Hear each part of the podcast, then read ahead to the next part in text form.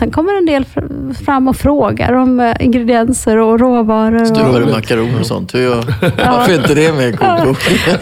Men vad fan har du på dig? Men hur ser han ut egentligen? Hur tänkte du där? Men hallå!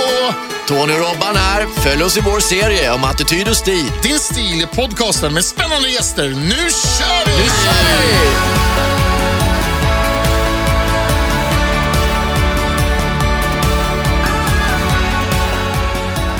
Ja, men hjärtligt välkomna till det, tio, det jubileum, tionde avsnittet av podcasten Din stil. Och idag Tony, var är vi någonstans idag? Robert Hoffman, varmt välkommen till det här avsnittet. Du, går, du är så snabb hela tiden. Ja, men jag är lite sådär forcerad. måste forcera lite. Ja, när jag lyssnar på mig själv i den här podden så blir det så nej men nu får du skärpa det. Så idag ska jag försöka vara samlad. Skönt. Du, vi sitter ju i en fantastisk lägenhet här uppe på Vas, Odengatan någonstans. Vasastan någonstans. Ja. Jag vet inte ens vad vi är, det är lite läskigt. Men strålande fint väder ute, tisdag kväll. Och vi sitter hemma hos Ulrika Davidsson. ja. Trevligt. Min fina vän är vi hos. Och då får du säga välkommen till oss då. ja, välkommen till mig och Ja. till Odengatan. Ja, Och du är varmt välkommen till vår podd. Jättekul. Ja, och vi har ju alltid då, eh, när vi, innan vi sätter igång ordentligt, veckans... Det här är ju helt otroligt. Vi, vi brukar ju ha veckans bubbel.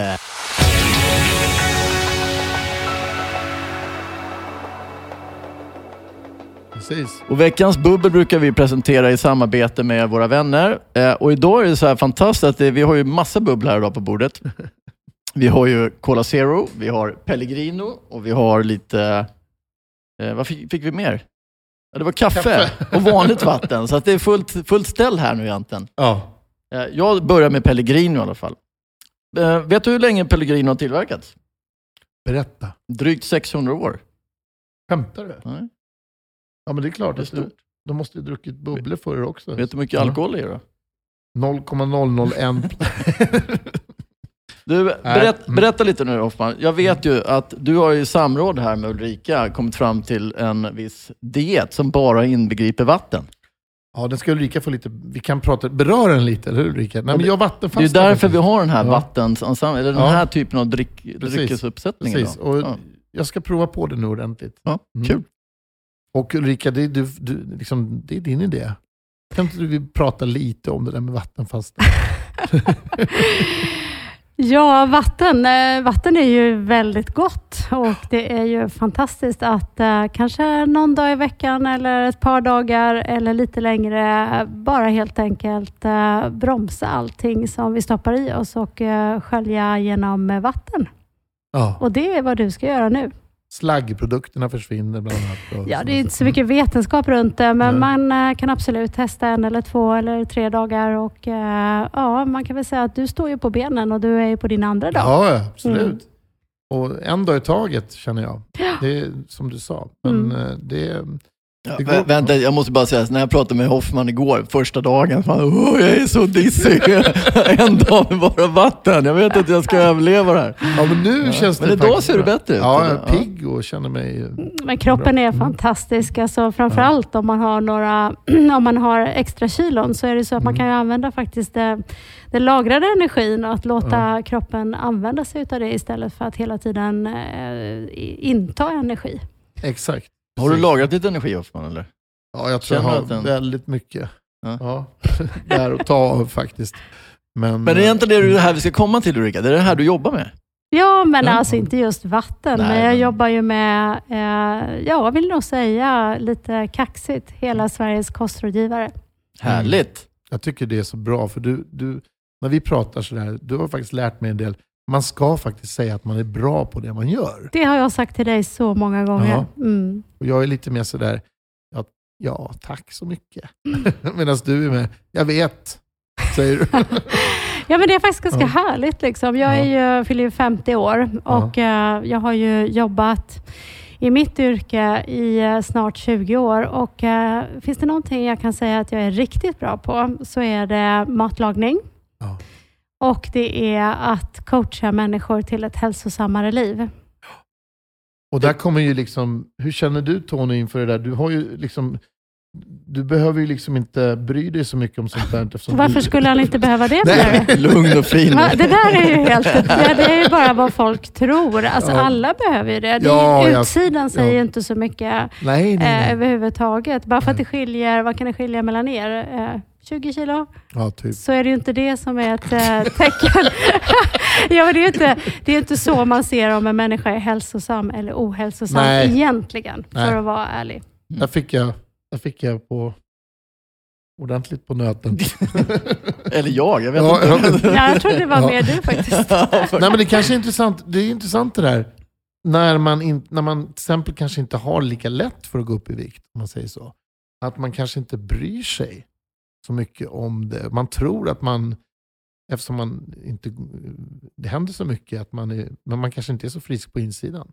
Nej men gud, alltså, Mm. jag, träffar ju, jag träffar ju så många människor. Eh, I mitt yrke så träffar jag människor som har drabbats av någon typ av ohälsa. Det är inte alltid att man har gått upp eh, kilon, utan det kan vara andra saker som man har märkt att nej, men min hälsa är inte så bra, för jag är inte så pigg, eller jag har värk i kroppen, eller jag får eh, problem med magen och tarm, eller jag är allergisk, eller Ja. huvudvärk, eh, eller man har drabbats av en allvarligare sjukdom. Ja. Men i mitt umgänge och när jag träffar människor, eh, vi kan ta till exempel en vanlig middag. Man sitter på en bjudning eller på en fest och så berättar man att man är kostrådgivare. Och, eh, det finns ju ingenting kan jag säga, eller inget, det finns en del yrken också, men jag kan tänka mig mitt yrke, det intresserar många, för många har, eller alla har ju en relation till mat och eh, man har också en åsikt tror jag om eh, vad är hälsa och vad ska man äta och det har funnits väldigt många olika råd och ehm, genom åren som har förändrats och det finns också väldigt många alternativ eh, till hur man kan leva. Men vad jag hör, för att avsluta den här frågan, det är ju, jag träffar ibland en del, framförallt killar, då är det så här att jag hör ibland att de säger Nej, men du vet, jag, jag är så lyckligt lottad för jag behöver inte tänka på vad jag stoppar i mig. Nej. Och Jag kan säga att då brukar jag tänka, ja du är ju inte så himla eh, lyckligt lottad att du inte förstår att du faktiskt måste bry dig. För förr eller senare så måste man tänka på faktiskt eh, sin hälsa. Eh, och om man blir överviktig, då får man ju på något vis ett tecken. Eller om man får problem med sin kropp, då får man ju ett tecken. Men många går ju runt innan man får det där tecknet och tror att eh, man kan stoppa i sig både kexchoklad och mackor och pizza och hamburgare och all snabbmat vi äter och strunta i att laga mat. Men det kommer ju inte funka i längden. Nej. Jag läste någonstans att år 1900 så förbrukade vi dubbelt så mycket kalorier som vi gör idag. Alltså att naturligt att vi cyklade eller gick eller vi rörde oss mer Ja. fysiskt. I, Mm. och det är klart att men vi äter ju mer idag än vad vi gjorde då. Eller mer ohälsosamt kan jag tänka mig. Ja, det är ganska chockerande när man börjar titta. Mm. Jag har ju skrivit många kokböcker och eh, det är alltid så här när man skriver en bok så gör man ju en del research beroende Mm. på vad det är för tema jag skriver om. Men eh, jag skrev ju en bok för familjen. Eh, och, eh, alltså hälsa i familjen och eh, då gick jag faktiskt tillbaka till min egen barndom och började reflektera och tänka. Och jag och Robban, jag tror att vi är ungefär jämngamla. Ja, vi är alla Och- tre faktiskt. Ja, okej. Ja, ja. Eh, nej, men du vet, eh, om man, om man verkligen ägnar någon minut till att och liksom tänka tillbaka hur det var när jag växte upp, så var det ju så här att man eh, åt ju betydligt mindre. Eh, man eh, höll inte på att småäta och framförallt all dryck vi stoppar i oss. Alltså, det var ingen, eh, när jag gick i skolan eller växte upp, det var ingen som gick och drack någonting. Man drack liksom ett glas mjölk på morgonen eller lite te eller vatten och sen så nästa gång man drack något, det var ju vid skolmaten. Mm. Och sen eh, på kvällen. Eh, idag håller vi på att dricka energidrycker, juicer, läsk, eh, kaffe latte, eh, smoothies. Eh, alltså allting håller vi på. Tänk bara hur mycket kalorier det är i det. ja, verkligen. Och börjar man titta så här och man börjar tänka liksom på hur mycket socker man får i sig i maten idag och eh, alltså jämfört med förr Mm. eh, så är det ju jätte, jättestora skillnader. Och eh, också när jag, så när jag växte upp, vi var ju aldrig ute och åt utan eh, det var ju liksom för högtidliga tillfällen. Men eh, titta på som mina barn, jag har en 19, eller 21 och 23-åring. Och, Du eh, får du tänka efter. Ja, jag vet, de blir så himla stora. 21 och 23-åringar, alltså hur många gånger beställer inte de mat? Liksom, och köper saker på vägen hit och dit. Det gjorde man ju aldrig förr. Så det är ganska stora skillnader. Men tror du då att om du tittar i kristallkulan att, att vi kommer att eh, kommer vi bli drabbade? För någonstans blir vi också äldre. Vi, någonstans är vi mer medvetna om det vi stoppar i oss också. Alltså, så, så upplever jag det, att vi kanske äter ändå bättre på många andra sätt än vad man gjorde kanske för hundra år sedan. Då.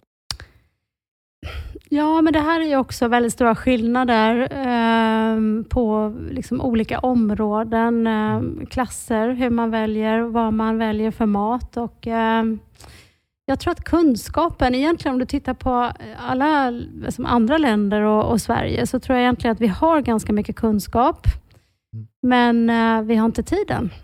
Nej. Och eh, vi prioriterar inte det här, utan vi tror på något vis som att vi är liksom, det är bara att tanka den här, om man nu ska jämföra kroppen med en bil, så kan du tanka med vilken bensin som helst. Den får, Mm. den får köra tills den uh, skär sig. Liksom. Ja. Mm. Mm. Men Du, eh, vi måste nog ändra Är det här lite. så här confection time, eller vad heter det? Man ska bikta sig och berätta liksom om sin... För jag har ju alltid sagt det här, precis som du sa, att ja, ja, men, tränar jag två gånger i veckan och maxpuls två gånger i veckan så kan jag i stort sett trycka i mig vad som helst. Eh, Det har jag ju alltid sagt. Ja, Ja. men eh, det kan ju funka och du kan ha tur och det är klart man föds med genetik och så vidare. Mm. Men, eh, och så är det jättebra att du tränar, givetvis. Men är, du måste också tänka på vad du äter och vad du belastar din kropp med. Mm. Och det är ju bara att se alltså, samhället idag. Det är ju tyvärr, nu ska vi inte prata så här dystert, vad dystra vi Nej, det är. var väldigt dystert. Ja, det är väldigt dystert. Ja, men liksom, ja, men det är bara, nu, tar vi, nu tar vi det sista dystra. Ja, det är liksom att hälften av Sveriges befolkning är överviktiga. Och jag kan säga att just med alla Alltså hälsotillståndet, eh, det kommer belasta sjukvården otroligt mycket och ehm, vi måste, alltså, man, måste ta, man måste förstå att det är otroligt viktigt hur man lever och det är inte bara kosten förstås. Det är ju rörelse, det är återhämtning, det är sömn, det är att ta hand om sig själv. Att inte kanske bara stressa iväg och inte ta hand om sig själv och inte prioritera sig själv. Det, det är ett måste. Ja, men är det någonting jag, jag i alla fall tar fasta vid, vid när jag känner att jag stressar upp så, där, så är det att jag tar någonting jag, jag tycker jag gör väldigt bra. Det är att jag tar min vila. Väldigt, bra. Väldigt mån om att nu måste jag, att jag, vissa vet att jag bara rusar, rusar, rusar, Mm. rusar. Ja, Jag bara- Varför tittar du på mig nu? Nej, jag tittar på er båda. så att jag, Ehm, nej, men att jag eh, inte rusar i, helt, enkelt i allting, utan att jag faktiskt tar min, mina stunder då jag, det kan vara fem minuter det här, det kan vara en halvtimme. Jag har ju känt Robban ett tag och Mm. det, grejen med Robban, han låter alltid så här. Han har väldigt behaglig röst och så låter han så här lugn och skön och härlig. Jag, jag, jag ser dig nästan aldrig stressad Robban. Nej, Nej? jag försöker att inte. Och när jag har Mm. mycket att göra så försöker jag liksom ta en sak i taget. Och, Mm. men det är klart, inre, inre stress kan jag ju känna ibland. Men, nej. Mm. Men nu ska vi inte vara Ja, så du, jag, dystra. jag, eller? bara, bara för att ta den här. Jag Ja. tänker så här, vi pratar mycket om den yttre stilen liksom, i, i programmet. Det har varit liksom en kläder eller vilken falang man vill tillhöra. Men det här handlar lite om den inre stilen kan vi säga. Och Min upplevelse är ju att den inre stilen går ju hand i hand med den yttre. Och Jag tycker att den yttre stilen har blivit sämre med åren. Att vi klär upp oss färre och färre gånger. Vi, vi nöjer oss. Vi, det är okej. liksom. Ja, framförallt under hela 2020. Och Ja, det- det är alltså, klart. det, jag tror folk eh, nu, man bara älskar och brinner för att liksom, eh, Komma ut komma ut ja. och klä upp sig och det är lite göra sig fin. Mm. För det, det är faktiskt många som har sagt, sagt det här, Mm. corona stor, Mm. att man har blivit, att man liksom undertecknad här. Ja men alltså man har inte brytt sig ett, alltså många Mm. har inte brytt sig ett endaste dugg under den här tiden. Det har varit uppgivet, det har varit väldigt tungt, speciellt tycker jag i höstas efter sommaren då man trodde det skulle vända. Va? Mm. Och så har det liksom, men nu känner man ju glädjen lite kommer tillbaka. Och det är ju på alla plan. Men men jag upplever så här, de som kommer in i butiken nu exempelvis, då ändå har de ju gått upp under corona eller gått ner. Är det så? Ja, för det är ganska många som har gjort det, för att de har kunnat vara hem, jobba hemifrån, de har kunnat lägga en timme träning om dagen eller har lagt dem, de är inte inne på stan, går ut på krogen efter jobbet eller på after work. och Liknande. Så att Mm. de två, Ja, men jag tror att det är även där, där är liksom två läger. Mm. Det är de som har förvaltat eh, den här instängda tiden genom att ta hand om sig själv, att komma ut på promenader och eh, att det är lättare att komma iväg till eh, ja, men, träningstillfällen. Och sen sa du ju precis det också att, att folk har börjat laga mat hemma Ja. Istället för att eh, hela tiden äta ute. Och, ehm, det resulterar ju i bättre hälsa, men tyvärr är det ju att eh, jag tror ju det är väldigt många också som tyvärr känner att oj, jag måste liksom ta tag i det. Jag kan inte sitta hemma och vara oaktiv och beställa hem mat och äta skräpmat. Och Sen är det också så att när man inte mår så bra, för det är ju ingen som har gjort under corona, man har kanske blivit påverkad ganska mycket av eh, läget, så det är ju inte alltid att man äter mat när man är hungrig. Man äter ju när man har en känsla och känslan många har haft, det har ju varit oro och otrygghet och rädsla och sådär. Så att, ehm, och kanske också tristess. tristess tänker jag på. Ja, det är visst. klassiker. Jag tar någonting att äta för jag har ingenting annat att göra. Ja, ja, precis. Men har du märkt mycket det? Ja. din- Dina, de du har stött på och hjälpt och utbildat? Absolut. Alltså jag driver ju ett onlinebolag, eh, eller on, online coachning och jag har aldrig eh, coachat så många människor som jag coachar idag som Ja. verkligen behöver liksom, ordentliga kostscheman, eh, lättlagade recept som ger energi eh, och, och vill verkligen göra en förändring. Vi har aldrig haft så många som eh, vill ha min hjälp, så att eh, min tid räcker ju inte riktigt till. Det gör det ju inte, men eh, det, är- det, det är viktigt tror jag, att, att rätta till så att man mår bra. Och Sen är det också så här att med, nu ska vi inte heller, gud vad vi går in på eh, tunga ämnen, men jag tänker liksom med corona så är det också så här att det ju också har ju blivit tydligt att det finns, eh, liksom, att man kan ligga i riskzonen. Och eh, innan kanske det hade räckt med att ja, ja, men jag kan ta mediciner för högt blodtryck eller diabetes eller gör ingenting att jag är lite överviktig, men det är också, alltså, det, det man, man, man eh, är ju mer i riskzonen och eh, jag tycker att det har kommit en mycket mer seriositet bland människor som tänker att nej men det handlar inte någonting om vikt, det handlar om att nej men nu måste jag liksom se till att jag stärker upp min kropp, att jag får ett bra med immunförsvar och att jag eh, kommer i form av, av, av den anledningen. Mm. Ja. Men när du tänker så här på mat, tänker du på glädje, med, med glädje då? Eller hur tänker Ja, men vad roligt nöd- att du säger det. Vet du, eh, jag skulle säga, vi har precis faktiskt analyserat eh, bolaget. Idag har vi suttit och tittat och eh, vet du, om jag ska säga ett ord vad, som jag, vad jag är, så är jag en stor matglädje. Det är liksom det som kännetecknar allt jag jobbar med egentligen. Att det ska vara roligt att laga mat. Det ska vara till och med så kul att gå och handla så man har lust att liksom hitta rätt ingredienser och man eh, ska, det ska vara roligt att ägna 20 minuter i, i Lite eh, upptäcktsfärd liksom. Ja, och köpa lite nya roliga råvaror och sen eh, ställa sig 20 minuter i köket och sen avnjuta riktigt god mat som dessutom då är hälsosam. Eh, det, det är jag. Mm. Det är det jag gör. Du har skrivit ett antal kokböcker då. Ja, några stycken. Ja. Hur många är det egentligen? Jag vet att det är så illa så att jag har tappat räkningen, men ja. jag tror att jag precis har skrivit min 33 kokbok på Mallorca. Jag har precis kommit hem från Mallorca. Härligt. Så att jag har gjort en eh, ny bok som kommer i december som eh, heter 66 Day Challenge med medelhavsmat. Åh. Och här har vi något också. Folk Ja. gillar också att det ska vara lite tidsbegränsat. Mm. Att man liksom kan bocka av en dag, två dagar och 66 dagar. Eller räkna ner då. Ja. Eller räkna ner. Jag tänker så här, vad, hur hittar du inspirationen liksom till den här? För, för dels har du den här 60 66 days challenge. Va, vad är det? Bara så vi tar den som...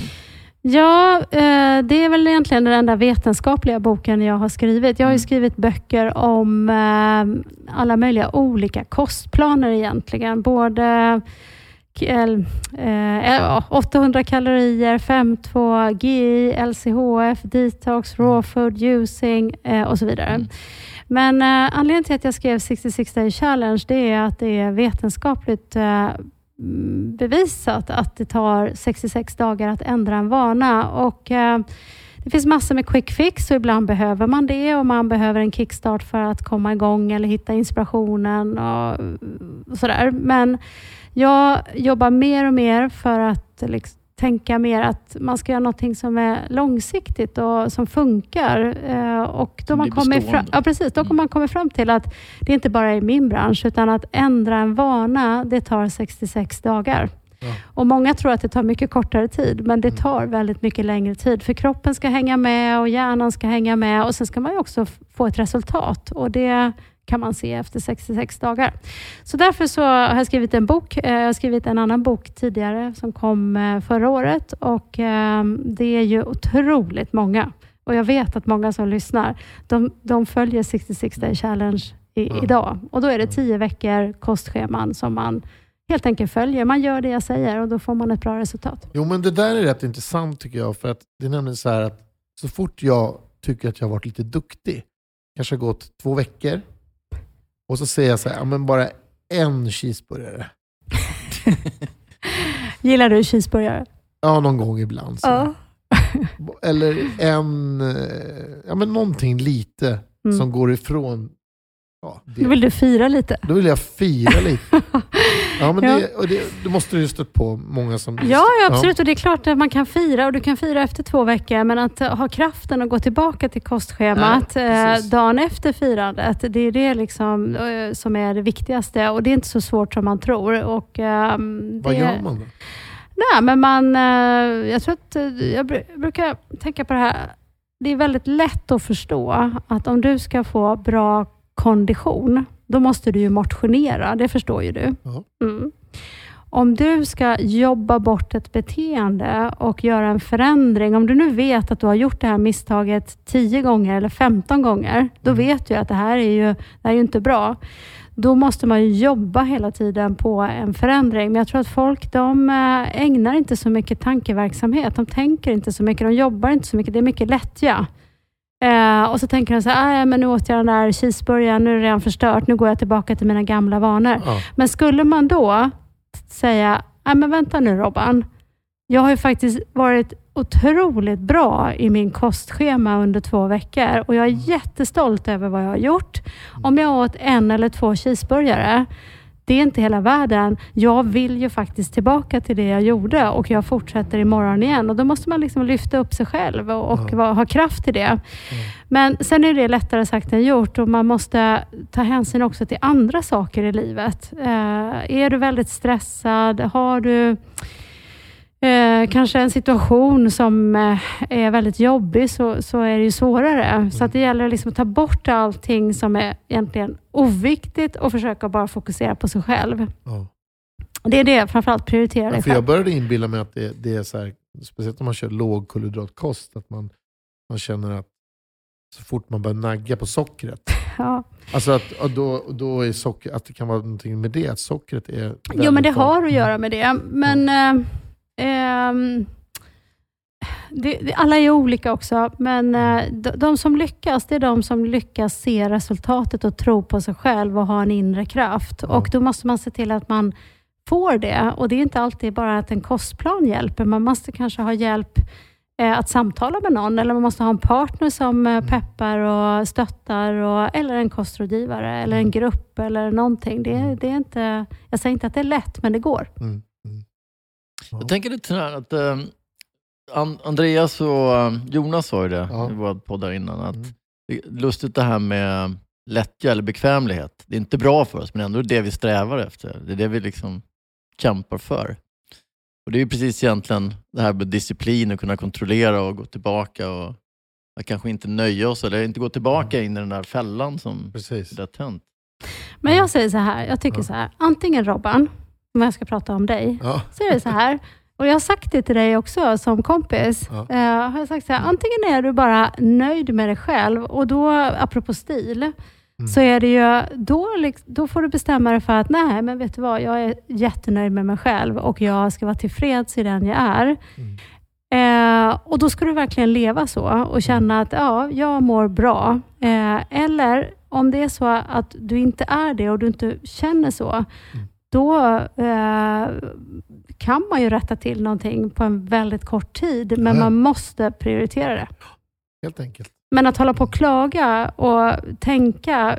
Jag har ju själv varit eh, man säger, överviktig. Jag vägde ju 30 kilo mer för eh, 17 år sedan. Och du vet att det gick inte en dag utan att jag tänkte liksom på min övervikt och att jag faktiskt stack kniven i mig själv. Och, eh, vi kommer säkert komma in sen på stil och kläder och hur jag klädde mig då jämfört med nu. Mm. Eh, då var det, så här, det var liksom en, det var jättejobbigt att hitta klädesplagg som jag trivdes i, för jag märkte att det påverkade mitt humör. Eh, Jag känner igen det där. du känner igen det där, Ja, ja, precis. absolut. Och det är egentligen hemskt att varje dag liksom eh, tycka någonting om sig själv. Och, och, och det är också så att framförallt kvinnor är ju så kritiska mot sig själva. Män är ju inte alls lika kritiska. De kan ju liksom till och med ha pondus och skratta lite åt det och, och inte alls vara så eh, medveten som kvinnor är. Idag är kvinnans, alltså det är, det är lite dumt ideal och det står jag verkligen inte bakom. Jag, jag tycker att kvinnoidealet idag och hur man ska se ut, det är, jag tycker det är ganska eh, trist att det är så här. Eh, Verkligen. Ja, verkligen. Verkligen. Det, det kan jag tycka även, i, i, eh, även på manlighet. Alltså, men den inre självkänslan finns ju där. Jag tänker på mina, hur jag är. Även om jag är övervikt så känner jag att den inre självkänslan finns där. Sen finns det här, den här problematiken kring det hela. Och den, den ser jag hos många människor Mm. runt omkring mig. Mm, Både tjejer och killar. mm, Att det är liksom det är väldigt dubbelt det där. Man får jobba Mm. med sig själv hela tiden.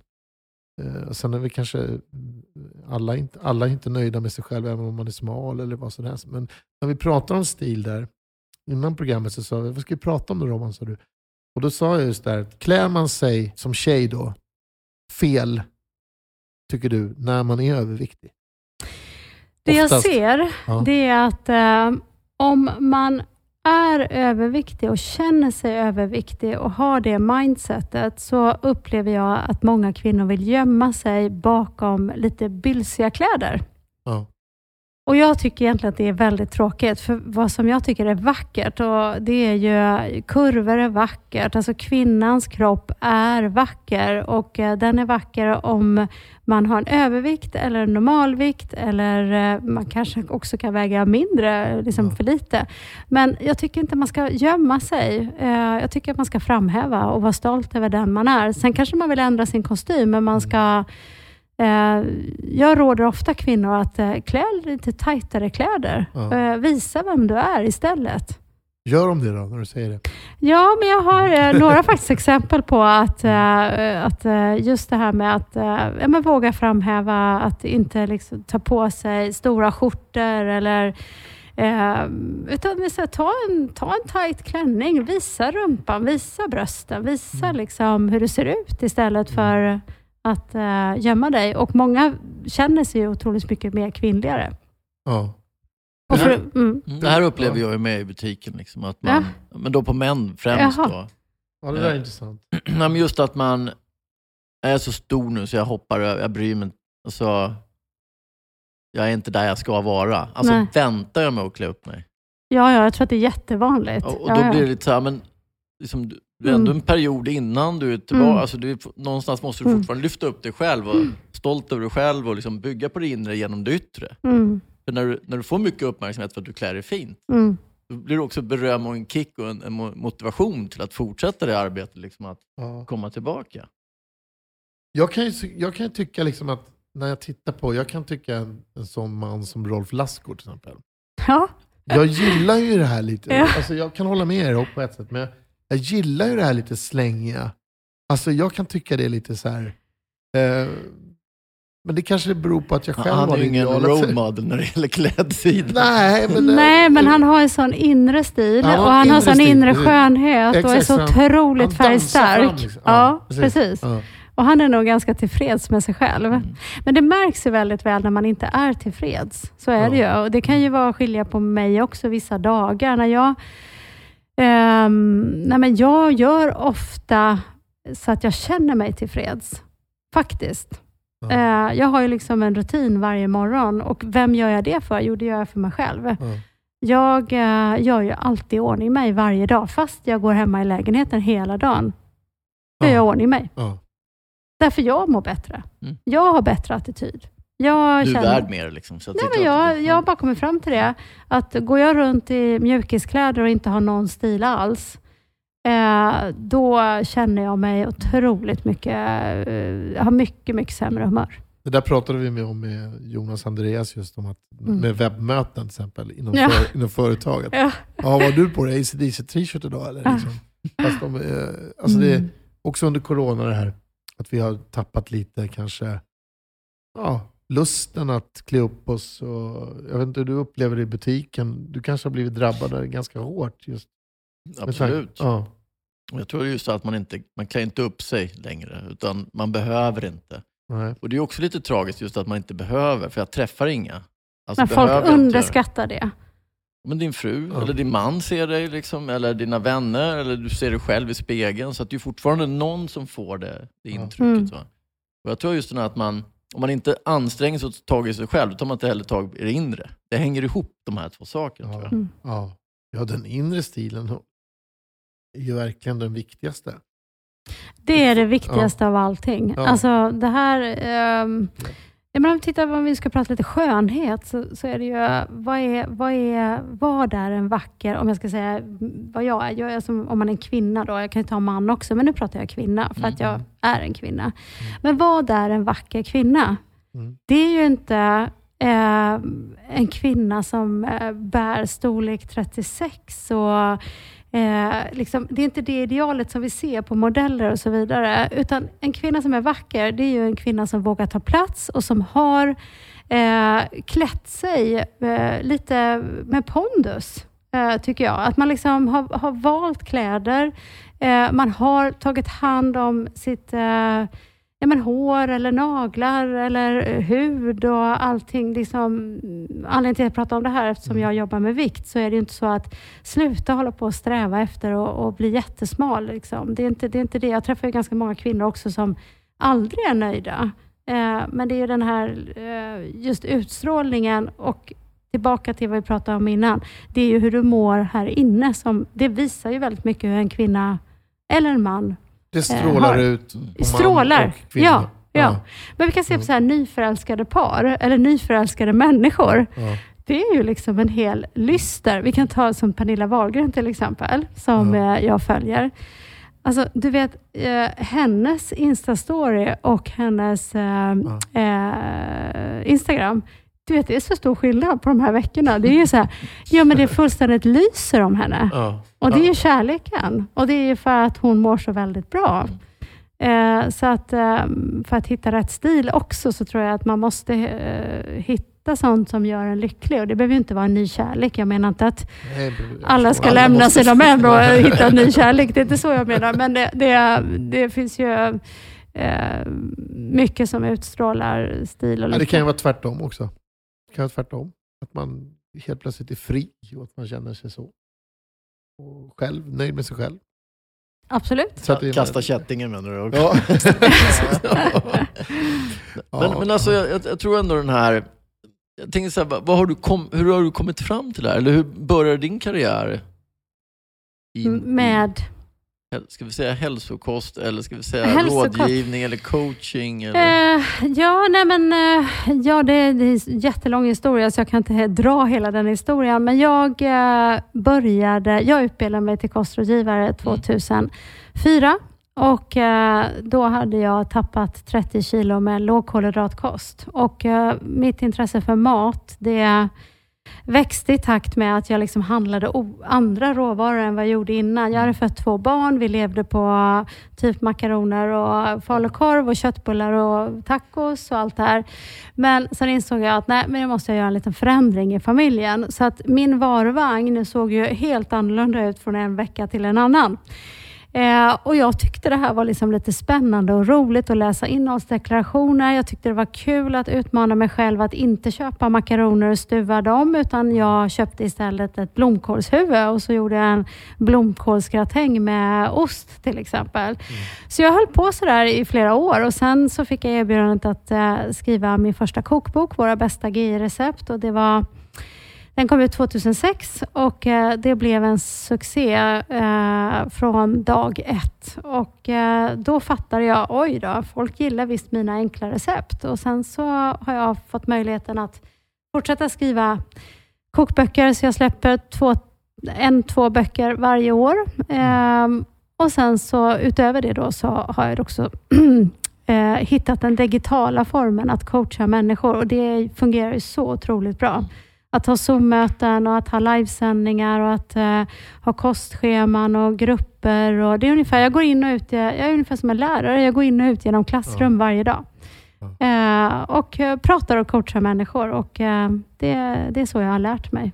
Eh, och det är så, alltså jag har ju bara en enorm... Finns det tur? Ja, jag vet inte. Men eh, jag har haft, fått möjligheten att jobba med det som jag älskar. Det är fantastiskt. Och det gör mig lycklig.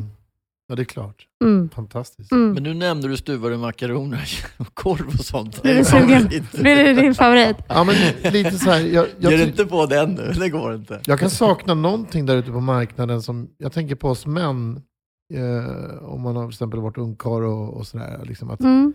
eh, det är, och som många säger, det är inte så kul att laga mat till sig själv. Nej, jag vet. Det, det Mm. behöver man inte vara man för att säga. Nej, Nej. Jag, jag, vet Men man, man kan vara ensam och, och Ja. säga det. Man lever Ja. själv och du vet, det är så många som lever själv. Ja, för ibland kan det vara så att, att man skulle kunna bara tänka, köp lite kyckling, Mm. bara lite keso eller vad som helst och bara rör om. Alltså, du, vet du vad Robin? Du har ju gett mig ett recept på en kycklingrätt som du Ja. gör ofta. En Ja. kyckling med spenat. Och, Ja, ja. ja. Berätta nu, för vad är det du gör? Ja, men det är, det är lite Nils Emil Ahlin-inspirerat. Vad gör du när du lagar mat till dig själv och så ska Ja, du göra en blad- hälsosam... eh, Bladspenat, kyckling, parmesan och då grädde, men inget eh, och någonting till. Ja, lågkolhydrat. Och så kör du in det i ugnen. Ja. Och två Ja. stora starkt det är, så det är klart. Ja.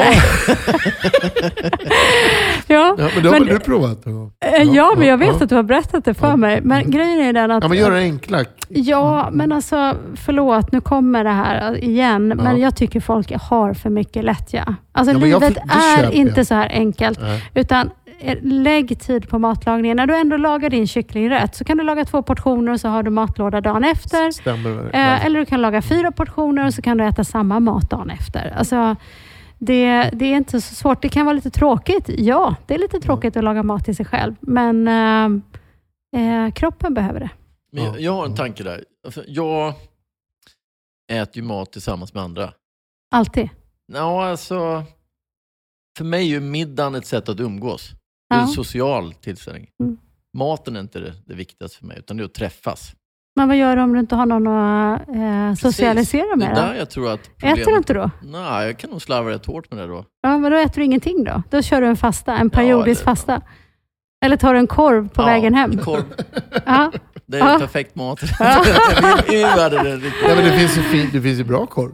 Absolut, det Så- finns ju. ja. Ja, men, men jag förstår ändå vad jag menar. Liksom. Mm. Jag, tycker, jag tror att mycket av så här matstörningar, eller den Mm. diskussionen, kommer Mm. ifrån att man inte kan förhålla sig till maten i grupp. Eller att Mm. du inte träffar andra i det här sammanhanget. Eller får Mm. fel influenser in i den.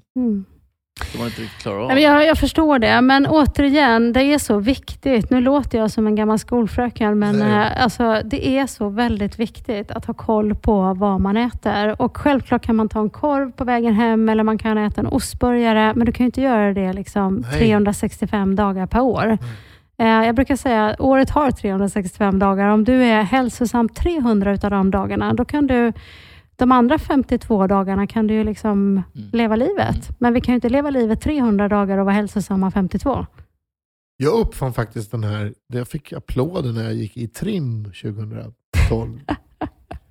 jag vill bara berätta det. Då, då resonerade jag så här, för då tyckte jag nu har jag klarat det här. Precis Ja. som, alltså, nu har jag, jag har hittat koden. Ja. Och då var det så att, jag tror det var 21 jag hade. Jo, 20, 21 eh, eh, nyttiga mål, mål och sen så tre onyttiga mål och sen så börja om igen. Om man tänkte så, ungefär den, Mm. så, så var det, det mottogs väldigt väl. Det var många Mm. som just tyckte att det där, det där att man faktiskt får, man har det implanterat. Det Man måste liksom hitta sin, Ja, sin grej. Ja. Och, ehm, Jag brukar säga den bästa, om man nu ska prata diet eller kostplan, det är den man följer. Ja, men så är det ju. Ja, Ja, så är det. verkligen. Ja. Mm. Men, men om man tänker så här då, liksom när du började med det här, du, du sa att du vägde 30 kilo mer. Mm. Vad var det som var det wake-up call? Liksom, eller? Ja, men alltså, jag har väl egentligen fått flera wake-up call eh, under många år, men jag hade inte haft kraften eh, och framgången. Men sen så hittade jag lågkolhydratkost och jag tyckte att det var väldigt lätt att följa. Och eh, Det är ju väldigt enkelt för du får ju njuta av, liksom, som Robban pratade om, kyckling, eh, skaldjur, eh, lax, eh, torsk, eh, entrecote, köttfärs och du får använda massa goda grönsaker. Du får använda grädde, crème fraîche, ostar. Det är inte så att jag saknade liksom stuvade makaroner då, för att det var så mycket goda saker. Är Eh, inte på den. Nej, men alltså, så att det, det, det var väldigt enkelt för mig. att, att eh, Jag tyckte det var fantastiskt att äta den här maten och dessutom mm, så var jag inte så sugen. Liksom. Jag, jag kände mig mätt och nöjd och det var för att det var mycket proteiner och fett och eh, goda grönsaker. Men idag så lever jag inte riktigt LCHF, det gör jag inte. Eh, Jag äter mindre fett idag, jag äter mer grönsaker och frukt. Så man kan ju liksom anpassa lite sin egen kostplan hur man vill eh, ha den. Och Det är det som jag tycker är ganska roligt idag. För, för jag menar, förut, på 70-talet, fanns det ett sätt att förändra sin hälsa och det var typ Kostcirkel. Ja, och, ja, och det var ju att räkna kalorier bara och att vi skulle äta lightprodukter. Och det var ingen som sa att vi, det var ju, alltså, vi skulle äta sex, sju skivor bröd och potatis och ris och så vidare. Idag vet vi ju mycket, mycket mer och vi pratar otroligt mycket mer om insulinet, alltså hur det påverkas när vi äter mycket socker och snabba kolhydrater. Ja. Och för vissa personer, vi är olika genetiskt, genetiskt så men vissa personer de eh, lagrar helt enkelt fett otroligt mycket lättare om de har mycket insulinproduktion. Ja. Så när jag gick ner i vikt så var det liksom nyckeln och jag fattade helt plötsligt att okej, jag kanske inte ska äta så här mycket bröd och pasta och ris och potatis. Nej. Och ehm, ja, nej, sen så har liksom det fått så stor betydelse i mitt liv. Men någon gång ibland Ulrika? Eller? Ja, men det vet väl du? Ja. Men vad hände efter det här? Jag tänker liksom så här som med kläder och sånt. Mm. Blir det lättare då? Eller, liksom? eller hur, hur, det vad, är vad blev det lättare. för förändring? Liksom? Ja, men det är roligt att du frågar. Du menar när jag gick ner i vikt? Eh, alltså det roliga var ju att jag rensade ut hela eh, garderoben. Jag har kvar ett par byxor och det är ett par Peak Performance i storlek 50 tror jag. De hade jag köpt alltså i januari 2002 för då skulle jag åka upp med, jag jobbade på den tiden på Tele2 eh, och så skulle vi åka eh, skidor och jag var så himla nöjd. Jag hade hittat ett par Peak Performance jeans Mhm. i min storlek och jag kände mig så snygg och så hade jag boots på mig. Då vägde jag alltså 100 kilo och eh, det är de enda, det är det enda klädesplagg jag har kvar. Det ligger här hemma i lådan. Eh, och Jag kan ta fram dem ibland och så kan Ja. jag liksom bara titta på dem och så tänka så här, Ja, men jag kände mig jättefin. Jag var verkligen nöjd när jag köpte de här byxorna. Alltså idag, ni ska se när jag sätter de byxorna bredvid mig. Det är ju liksom som två Ulrika. Liksom. Men, Du vill eh, inte tillbaka till den? Nej, det vill jag inte göra, men det är roligt att ha dem kvar. Men när jag gick ner i vikt så tyckte jag det var fantastiskt roligt förstås. Att kunna, jag kände mig lite friare. Jag kunde köpa det som jag tyckte var snyggt liksom, och, och kunna använda. Men eh, det, jag kan väl ångra lite att, eh, att jag begränsade mig själv. Jag hade kunnat göra det då med. Jag, jag tycker ju som sagt återigen att det finns, idag finns det så mycket val med kläder och stil och former och storlekar. Och det spelar ingen roll om man ska ha 36 eller 48. Alltså det finns så mycket fint idag att välja. Och jag själv, nu är det konstigt för jag sitter med en vit klänning. Det är väldigt ovanligt. Väldigt somrigt känns det. Ja, men jag brukar aldrig, jag brukar inte ha vitt. Vet att jag brukar ha färgstarka kläder. Jag, jag, jag har identifierat eh, att jag passar i rosa, grönt, eh, blått, alltså starka färger. För då framhävs hela mitt ansikte och färger. Och liksom, ja, men då, Pastellfärg eller menar du mer jord? Ja, ganska starka, Ja. kornblå, riktigt grönt, riktigt liksom rosa. Rött Mm. är ju min absoluta toppfärg. Liksom. Eh, det kan jag ju se på alla bilder. Så jag, om jag sätter på mig till exempel ja, vitt faktiskt, eller eh, ljusrosa eller eh, beige. Sådär. Då liksom, nej, Det det, inte, det poppar din- inte. Jag Nej, poppar precis. inte alls. Alltså, om jag går in i ett rum med en röd klänning, då är det liksom eh, smashing.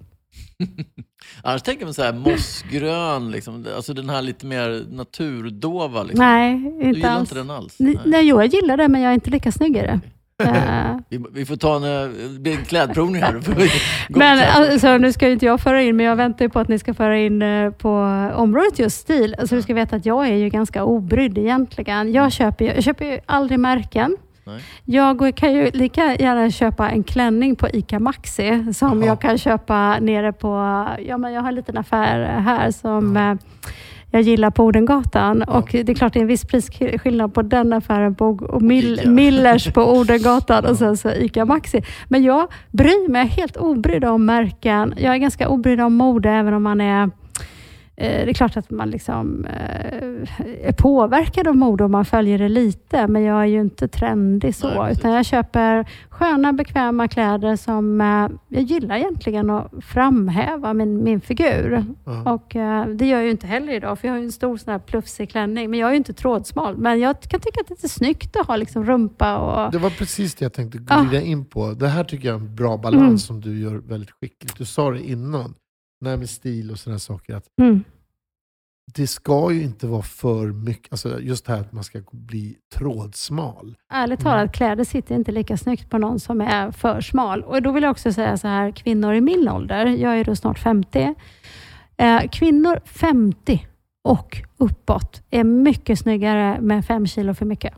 Mm. Man är liksom lite rundare, sötare i ansiktet. Man eh, har Ja. lite liksom fylligare bröst, lite större liksom rumpa. Mm. Eh, det, det är bara, och, och ha fem kilos övervikt är ju inte ohälsosamt. Nej. Så att, eh, det vill jag säga till alla kvinnor som håller på att kämpa. Ja, men som håller på att kämpa. Så här, Åh, jag måste gå ner tre kilo. Skit i det. Ja. Liksom. Nju- ta en storlek större och Mm. njut istället. Ja. Liksom. Ja. Mm. Ja, men det där tycker jag gäller faktiskt hos män också. Alltså, alltså, man behöver inte sträva efter att, att, att bli... kommer jag aldrig göra. Aldrig. Vad kommer du aldrig göra? Sträva efter att bli så, smal. Nej. Nej, aldrig. Men du kan sträva efter att... Uh, för bra. det finns en viss frihet i en sak. Det är ju att när man ser någonting i, som man vill ha. Om du har på dig något snyggt, liksom, eller inte du, men om en annan kvinna har på sig något snyggt som bara, "Åh, gud vilken fin klänning, den vill jag också kunna ha. Eh, den... eh. Ja, ja. Ja, precis. Ja, men den vill jag kunna beställa på nätet eller den vill jag gå in och köpa. Eh, och Det upplevde jag väl tidigare när jag hade en större storlek, att, det var, att jag var lite begränsad. Men eh, samtidigt också då, det är ju snart 20 år sedan, då fanns inte det utbudet. Idag, är det ju, idag finns det ett fantastiskt utbud med Ja. stora storlekar. Och, eh, så att det, det är ju härligt. Liksom. Ja, men tänk, tänk inte bara det, utan även att vi eh, modellerna passar oss. Va? För ibland blir det så att även om du går ner fem kilo så Mm. den ser bra ut på dig, så Mm. går du, ligger du kvar på den här vikten Mm. så är kläderna inte gjorda för den sizen, att det funkar inte. Nej. Vissa kläder ska ju bara vara en viss size, Mm. för den modellen är bara gjord Mm. för en Mm. trådsmal eller me- Mm. medium mullig eller vad man nu ska definiera. Ja. Det kan jag ibland uppleva när man köper, många köper vad andra har på sig. Så köper man exakt samma sak. Ja, det är så tråkigt. Ja. Alltså det är verkligen, jag tycker det. Den där magtröjan kanske inte är för dig. Eller Nej. där, ja, men du förstår vad jag menar. Eller de där Mm. glasögonen är för smala på ditt Mm. ansikte. Eller då, ja. Och som du säger med det här med färger, att man hittar rätt. Jag tycker det är ganska tråkigt. Jag har ju en pojkvän. Mm. Han går ju, alltså det är alltid, uh, jag frågar så här, vad, vad, vad, vad, tycker du att jag ska ha på mig ikväll? Ja, jag tar en, sv- någon svart. Boring. Ja, och det är så, så här. Vi skulle se. Ulrikas ögon. Ja, men alltså svarta kläder, ja det är ganska tråkigt. Eller vad säger ni? Ni som men jag- jobbar med stil. Alltså nu har ju du en svart skjorta, men, Ja. men alltså, tänk om alla människor skulle gå, på, gå runt i svarta kläder. Mm. Ja. Vad blir du mest glad av? En person som har en, en röd härlig eh, tröja eller en svart? Nej, men jag erkänner nog att det, det är för att jag ska se lite smalare ut. Ja, Mm. men det gör ju Faktiskt. alla och alla är väldigt snygga i svart. Jag vet, alla Ja. passar ju liksom i svart eh, nästan, tycker jag. Men jag kan väl tänka så här, Robban här, han är ju rocksnubbe. Ja, han är ju Då är rocksnubbe. svart ganska, Han är cool i en det. ganska skön färg liksom, Ja. en rocksnubbe. Mm. Så Alltså, blått har blivit mer liksom, ju- mörkblått tycker jag väldigt mycket om också. Mm. Mig. Men precis som du säger så är det klart att den här färgexplosionen är ju trevlig. Liksom, och när man gå- går på, träffar ett myller av människor så är det färgen som står ut. Så är det Ja. absolut. Eh, Sen är det ofta är det då att när man, definierar, när, man, när man definierar stil så är det Mm. ofta den här Mm. vad ska man säga, trendfria färgerna som överlever decennium efter decennium, som Mm. blir stil. Mm. Och det kan jag tycka också är tråkigt. Alltså. Mm. Accent, accentfärgerna är viktiga att få fram. Och, Mm. Men vad är det för färger i butiken idag då? När du liksom som, som verkligen Men svart, i manlighet? jag har ju nästan frångått svart. Så. Ja, och du har det, gjort det? det är mycket, Ja. ja. men eh, vi säljer inte det helt enkelt. Inte på Nej. man, Nej. mansidan. Eh, det som kommer ibland är om man vill ha en svart skjorta och en svart slips till en svart kavaj. Ja. För att det blir rock. Liksom, Ja, det rockigt kanske. Men det är ju få alltså. Ja, ja. En begränsad, Mm. Begränsat utbud. Men jag tänker så här, eh, TV, om man tittar på äh, med morgon-TV och sådär. Och äh, där blir jag också där blir jag liksom påverkad av att om, om det sitter äh, en programledare i en härlig gul äh, klänning, det gör mig glad. Jämfört med någon som sitter i en svart. Alltså, Ja. TV är ju ett annat medie. Alltså, varje Mm. medie har ju sin charm eller sin eh, Ja. begränsning Mm. kan man säga. Så att, jag tror att oavsett om du står på en scen eller om du kliver in i ett klassrum Mm. eller kliver in i ett konferensrum, träffar andra affärsmän Mm. eller så. Eh, Alla de här har ju olika spelarenor, Mm. vilket gör att du behöver olika typer av färgkombinationer eller sammansättningar. Mm. Eh, Så det är svårt att säga att det är bara en stil, eller en färg eller en kategori som funkar. Mm. Så, så upplever jag i alla fall. Fast vi tjejer vi har ju lite roligare, för vi har ju liksom, eh, ni kan ju bara ha byxor eller shorts och Mm. skjorta och tröja. Vi kan ju liksom ha klänningar och jag älskar klänningar. Jag, Ja. alltså skulle vi gå in i min garderob och titta på mina klänningar, och då, eh, alltså du vet jag har så mycket klänningar. Jag tror att jag har typ 400 klänningar. Åh herregud. Mm, jag har otroligt mycket klänningar, men jag går oftast i klänning. Det är ett väldigt, väldigt skönt plagg. Och det är, eh, jag känner mig alltid liksom bekväm i klänning. Hur många gånger har du sett mig i byxor? Nej, men när jag ser dig framför mig. jag tror aldrig du har sett mig knappt i Nej, byxor. så, så är det ju klänning du har. Ja, alltid. Mm. Korta, långa, Ja. eh, färgstarka, Ja. eh, enfärgade, mönstrade. Ja. Jeans ser jag dig aldrig i. Nej, Nej. jag är ingen jeanstjej. Nej. Det är faktiskt intressant. På Ja. 90-talet kommer jag ihåg när jag köpte mina första jeans på säkert 10-15 år. Då var det några som verkligen sa det. Bara, Va? Har du jeans på dig? Jag har inte sett dig i det Nej. ever. Liksom. Ja. Så att det, det är ett sånt plagg som kan... Mm. Men du har klätt dig väldigt fint idag måste jag säga. Tack man. Eh, Vilken fin slirre. Jag har ju Ja. varit och representerat lite. Då. Det känns sommar, fint väder och det är klart att det... Nu Ja, kommer, kommer färgerna fram och det somriga. Den är väldigt fin. Det är, det är en färg, vad kallar du det? Det är lite brunbeige. Alltså, Brunbeige, Ja. lite linne, ja. ja. Sköna. Skitsnygg. Den ska vi ta en bild på tycker jag. Thank you. Lägga ut Mm. på Insta så alla får se den. ja. Ja, men jag, jag tror ju det här med, med som jag upplever i alla fall, så kläder gör en glad. Liksom. Och det är kul att kunna berömma andra och verkligen lyf, lyfta upp det. Och där tror jag liksom att även det yttre förstärker det inre. Att man får mycket liksom, uppmärksamhet kring det. Men det kan ju Mm. också vara en negativ sak. Det kan ju också vara så att man retar folk i skolan eller det, Ja, Det ja finns ju- absolut. det finns ju rätt mycket Mm. som kan stå ut där. Men det som är roligt idag det är att alla får ju verkligen vara personliga idag. Det är ju inte, man blir ju inte retad idag. Liksom. Det- jag menar, hur mycket hårfärger finns det inte och hur många eh, olika sorters stilar och plagg. Och, alltså man Ja, får ja. ju se ut som man vill. Ja. Vi lever verkligen en fritid när det gäller Ja, det. och allting är ju snyggt på sitt Mm. sätt, på rätt person. Ja. Bara man kan bära upp det med stolthet. Mm. Det är det. Ulrika, mot så här slutet av podden så brukar vi alltid ställa en så här fråga. Eh, du har ju fått leva din dröm lite, Mm, eller hur? det har jag. Men har du, fått, har du något ytterligare så drömprojekt du skulle vilja göra i framtiden? Eh, Ja, kanske designa min egen eh, klänningskollektion. Ja, är Ja, ja. Ja, men faktiskt jag har tänkt tanken. Men, eh, nej, men jag har lite för mycket annat att hålla på med. Men dröm, nu ska vi se vad mina drömmar är. Det är att eh, eh, vara mer på Mallorca. Eh, jag har precis köpt ett hus på Mallorca så att jag ska göra ordning en eh, riktigt bra matstudio. Så att jag kan få stå där i mitt kök, gå ut och hämta lite citroner ifrån trädgården, göra lite god lemonad eller göra någon eh, bakad fisk med citroner och ja, men matplåtning och, och Ja. laga mat från Mallorca och producera böcker och kurser därifrån. Ja.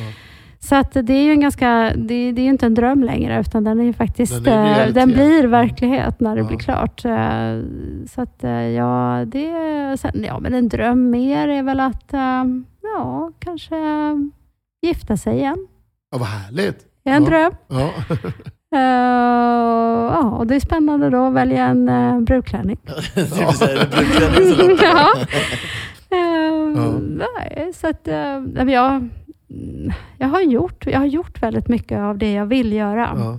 Ehm, När man lever i det och Mm. göra det, mm. tycker du att du liksom på något sätt har lärt dig att ta det för givet? Verkligen inte. Jag har ju haft eh, en del motgångar i livet som eh, alla har. Jag brukar se, jag, har, jag vet inte om jag har pratat med dig om det Robban, men Mm jag har en vän som heter Benny Rosenqvist. Som eh, har, han skriver böcker om andlighet och eh, han har på sin framsida på en bok så har han ett pariserhjul. Och han har ju i mina svåra stunder när det har varit riktigt liksom jobbigt i livet, då har han sagt så här till mig att eh, Vet Ulrika, just nu så har du precis klivit på pariserhjulet och du sitter på den nedre vagnen och du måste förstå att det kommer ta tid innan du kommer upp liksom längst upp. Pariserhjulet går väldigt långsamt. Du vill ju gärna att det ska vara en rollercoaster, liksom, att det ska gå jättesnabbt. Men eh, du måste helt enkelt eh, eh, ge dig tid för att du ska komma upp där uppe. För när du kommer upp där uppe, då kommer du vilja vara kvar där uppe och, och titta ut över allt det vackra du ser. Du har ingen lust att sjunka ner sen, för det gör man. Man åker liksom runt i det här pariserhjulet. Och när du har gjort det några gånger, då är det ju så att man inser när man är där uppe och man är verkligen är lycklig och man inte har problem som man måste ta tag i, då har jag lärt mig att njuta otroligt mycket mer. Bra där. Jag tycker ju att många människor tar lite för mycket. Alltså folk är, eh, de är ju eh, bortskämda. Eh, Ja. Och att man inte kan uppskatta allt fint man har och allt bra man har. Nej, det är hela tiden jak en jakt. En jakt Ja, men det är ju det. Och sen så en annan sak tycker jag också som eh, Benny lärde mig, det är ju att eh, den här resan då upp mot, eh, om man säger då, toppen av pariserhjulet, att man, man lär sig ju massa saker. Det är ju faktiskt så, om jag tittar tillbaka alla jobbiga perioder, så frågar jag mig själv, vill jag vara utan det? Nej, jag tror inte det. För att jag har liksom formats till en människa och, och med erfarenhet och kunskap. och eh, beredd liksom mycket mer när någonting annat skulle inträffa som känns som är obehagligt eller jobbigt. Eller, Och ju högre upp du kommer, desto mer ser du mm. på vägen upp. Jo, men sen också att man kanske är rädd. eh, Apropå mål och sådär. Du frågar mig vad har du för dröm och mål? Jag är nog lite försiktigare idag. Jag är liksom eh, försiktig om den tillvaro jag har. Eh, Innan sa jag ja till mycket mer. Idag säger jag faktiskt eh, nej till väldigt mycket för att jag värderar, okej vad innebär det om jag säger ja till det här? Det innebär att jag kommer få ägna mycket mer tid åt det här eller det kan vara risker som kommer göra att det kommer bli förändringar i mitt liv. Eller jag tänker nog mycket mer. Innan körde jag bara på. Mm. kanske var bra att du gjorde det då i och för sig. För Ja, liksom det var det. En, Jag har blivit tråkigare kanske. ja, fast det tycker jag inte. Men är, är det inte så här när man är yngre då, om man säga så, att man är Mm. lite entusiast och man, man tror väldigt mycket på det man ja. kastar sig in i. Och, när man ställer sig och tittar tillbaka på det så kanske, hmm. Mm. Fast jag är lite glad att jag har varit orädd. Därför att jag Ja, hade inte menar. velat avsluta mitt liv eh, senare, hoppas jag. Eh, att liksom ångra en massa saker. Varför gjorde jag inte det där? Varför begränsar jag mig? Och varför trodde jag inte mer på mig själv? Eller, om jag skulle få leva om mitt liv så skulle jag, ja men tänk tanken, tänk om man var 20 igen och så hade man den här erfarenheten och kunskapen och lärdomen. Tänk vad man skulle kunna vara mycket mer självklar då. Men jag kände så här att livet på något sätt för mig, när jag blev 50, Mm. när jag passerade 50, Ja just det, du är ju Ja. 50. Ja, ja, då känner jag att helt plötsligt så var det ett wake-up call. Att nu ska jag göra Mm. saker som jag verkligen, nu ska jag ta tag i min, mina låtar ordentligt. Jag ska verkligen göra den här resan, ge den en chans. Även om artister gärna ska vara unga och eh, snygga så skiter jag fullständigt i det. Du är inte ung, men du är snygg och du är väldigt, väldigt duktig musiker. Ja, tack. ja. Nej, men jag, jag känner att jag ska göra de här grejerna. Som det här med podden. Mm, precis. Alltså, och det är samma som, som du pratar om. att eh, På något sätt var det ett wake-up call och livet på något sätt tog en ny vändning. Och, Mm. Men Ja. gör man saker som man tycker är roligt, då blir det ofta bra. Liksom. ja. Ulrika, jag måste fråga, ser du dig som en offentlig person? upplever du att du är- Eh, ja, idag gör jag det, ja. Jag, eh, jag finns ju liksom i mångas hem eh, med alla mina kokböcker och i tidningar och sådär.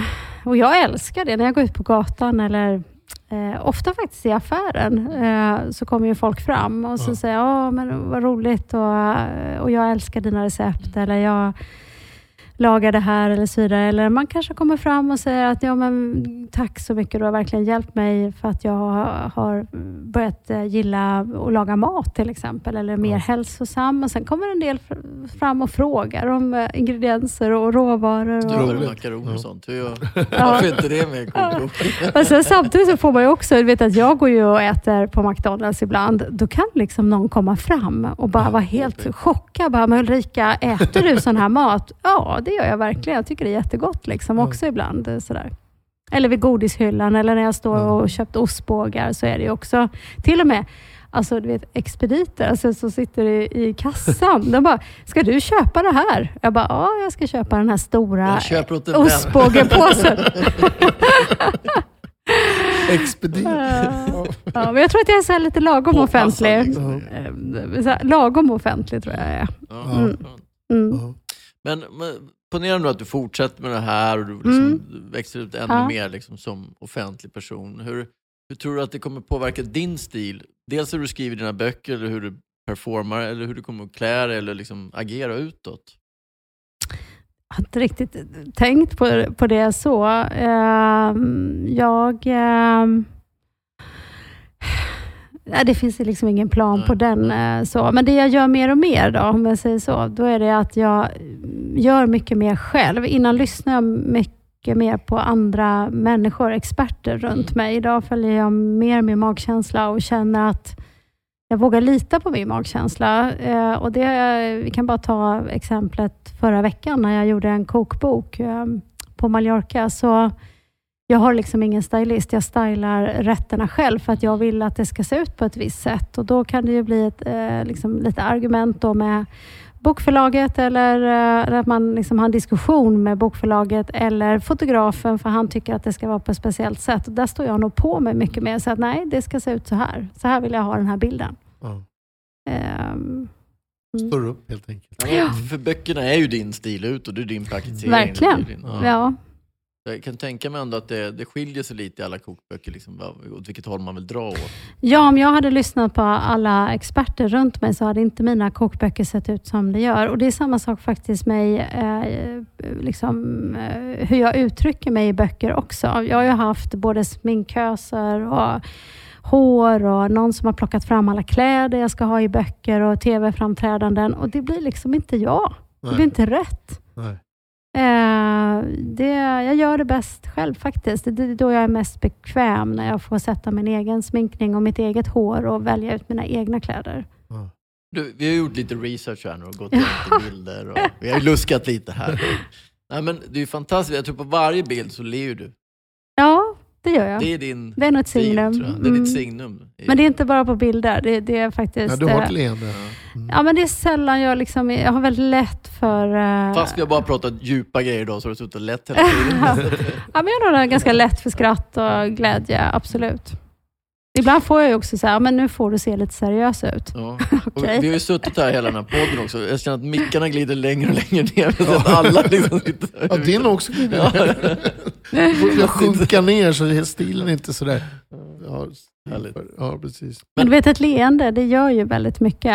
Om vi träffar varandra i hissen och så ler jag mot dig. Det är klart att det är ju mycket trevligare än att jag skulle se sur ut. Verkligen, verkligen. Ja. Man får ju någonting tillbaka direkt. Ja. Alltid, liksom. Och ögonkontakt är ganska viktigt också. Men, Ja, men, visst. men nu, nu har vi pratat böcker, vi har pratat din historia, pratat lite kläder och sådär. Liksom. Men ve- vem är Ulrika egentligen? Vem, vad, vad, vad brinner du för? Förutom mat och det du jobbar med? Vem är du på sidan om offentligheten? Nu? Uh, jag tror inte att jag skiljer mig så mycket från den Ulrika som uh, man ser. Uh, och Robban han vet verkligen, tror jag, för vi har känt varandra så länge. Men jag är en lättsam person och eh, det är ju både eh, fördel och nackdel. Men jag tar ganska lätt på saker. Jag är inte någon detaljerad människa som eh, stannar kvar i saker. Jag går vidare och liksom slänger det bakom mig. Liksom. Okej, okay, men nu har det skett. Nu får jag gå vidare, hitta en ny väg eller ehm, så. Så att, eh, jag är nog det. Och sen är jag eh, nyfiken.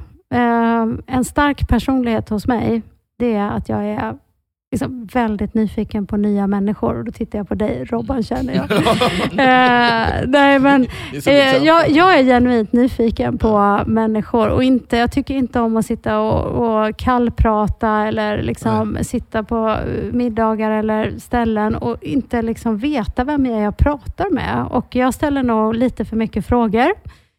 Eh, jag minns en eh, eh, middag på Östermalmshallen, så var jag med massa affärsmän där. Jag hamnade på någon middag där, så skulle vi sitta och käka middag. Och, bredvid mig så sätter sig en kille, no, no, ja, säkert 15 år äldre än mig. Och så eh, presenterar vi oss för varandra och så säger jag vem jag är och han vem han är. Och så blir ju nästa fråga jag ställer till honom, men vad jobbar du med då? säger jag. Eh, och Då svarar han mig så här, ah, jag jobbar med finanser. Jaha, säger jag, men eh, vad, vad, på vilket sätt då? Och då märker jag liksom redan då att han nästan blir lite störd, att jag frågar. Så säger han så här, ah, jag förvaltar pengar. Jaha, på, och så ställer jag, liksom, jaha, vad är det för pengar du förvaltar då? Liksom? Är det privatpersoner eller företag? Jag kommer inte ihåg, jag ställde flera frågor. Um, och I vissa sammanhang så är det inte okej okay att vara frågvis, men eh, jag är väldigt frågvis. Så att ha, har du mig till middag, då kommer jag veta allt om dig efter en timme, för att jag ställer alla frågor. Mm, det är bra. Slutar inte liksom följetråden hela vägen ut. Nej, men sen ska jag också säga att jag har ju en sak som inte tror jag folk vet om mig. Om inte jag skulle jobba med det jag gör, då hade jag, jag skulle egentligen ha blivit konstnär. Mm. Ja. Så jag målar faktiskt. Jag tycker om att måla oljemålningar och uh, tyvärr, uh, alltså det kan ju också vara en dröm. Nu kommer jag på en dröm till. Alltså att få måla mer och att få ägna mig åt uh, konst, det är någonting jag drömmer, för jag har inte, drömmer om, för jag har inte liksom prioriterat det. Men, men är det det vi ser på väggarna eller? Nej, jag har inga målningar här faktiskt. Jag, nej. nej. det har jag inte. Men, nej, men måla, jag tror att jag har blivit liksom, duktig på det om jag hade ägnat mer tid och även dreja och hålla på med lera. Så att det är väl en sån här liten dold talang. Skapande, ja. Och Sen älskar jag att spela. Jag är ju en sån här riktigt spelmänniska. Inte på nätet, men att spela sällskapsspel. Det tycker ja, jag är ganska kul. Mm, och ja. kort och, och sånt. Är kul. Så gillar jag musik. Ja. Jag gillar Robbans musik. Jag lyssnar mycket Vem på musik. Vem inte det? Liksom? Exakt. Jag älskar Robbans röst. Ja, nej, men det, det är bra. Mm. Tur det. Ja. Jag med Robban. ja, vad trevligt Tony. Men, men hörni, nu ska vi ju kolla på 400 klänningar och vi ska ja. väl ta och runda av. Ja, alltså, jag tycker det är så trevligt. Jag sitter bara och njuter när ja. du pratar och när, ni ställer, när du ställer frågor Tony här. Så att jag, ja. Och du ska dricka lite mer vatten här innan kvällen är slut. Ett glas till Pellegrino ska jag ta faktiskt. Bra gjort. Ja. Ulrika, stort tack för att vi fick komma hit. Mm. Tack lycka så mycket. till med ja. Mallorca var det. Ja, Mallorca är det. Mm. Ha en härlig sommar nu. Mm. Tack så, så mycket. Ja. Så ses vi snart igen. Jag hoppas ja. att vi ses på Gotland. Ja, absolut. Vi kommer. Ja, det är bra. bra. Ciao på er. Hej då. Hej. Hej. Ni har lyssnat på Din stil, en podcast av och med Tony och Robban. Och idag har vi haft Ulrika Davidsson som gäst. Tack så hemskt mycket för att jag fick komma hit och medverka och berätta om min stil.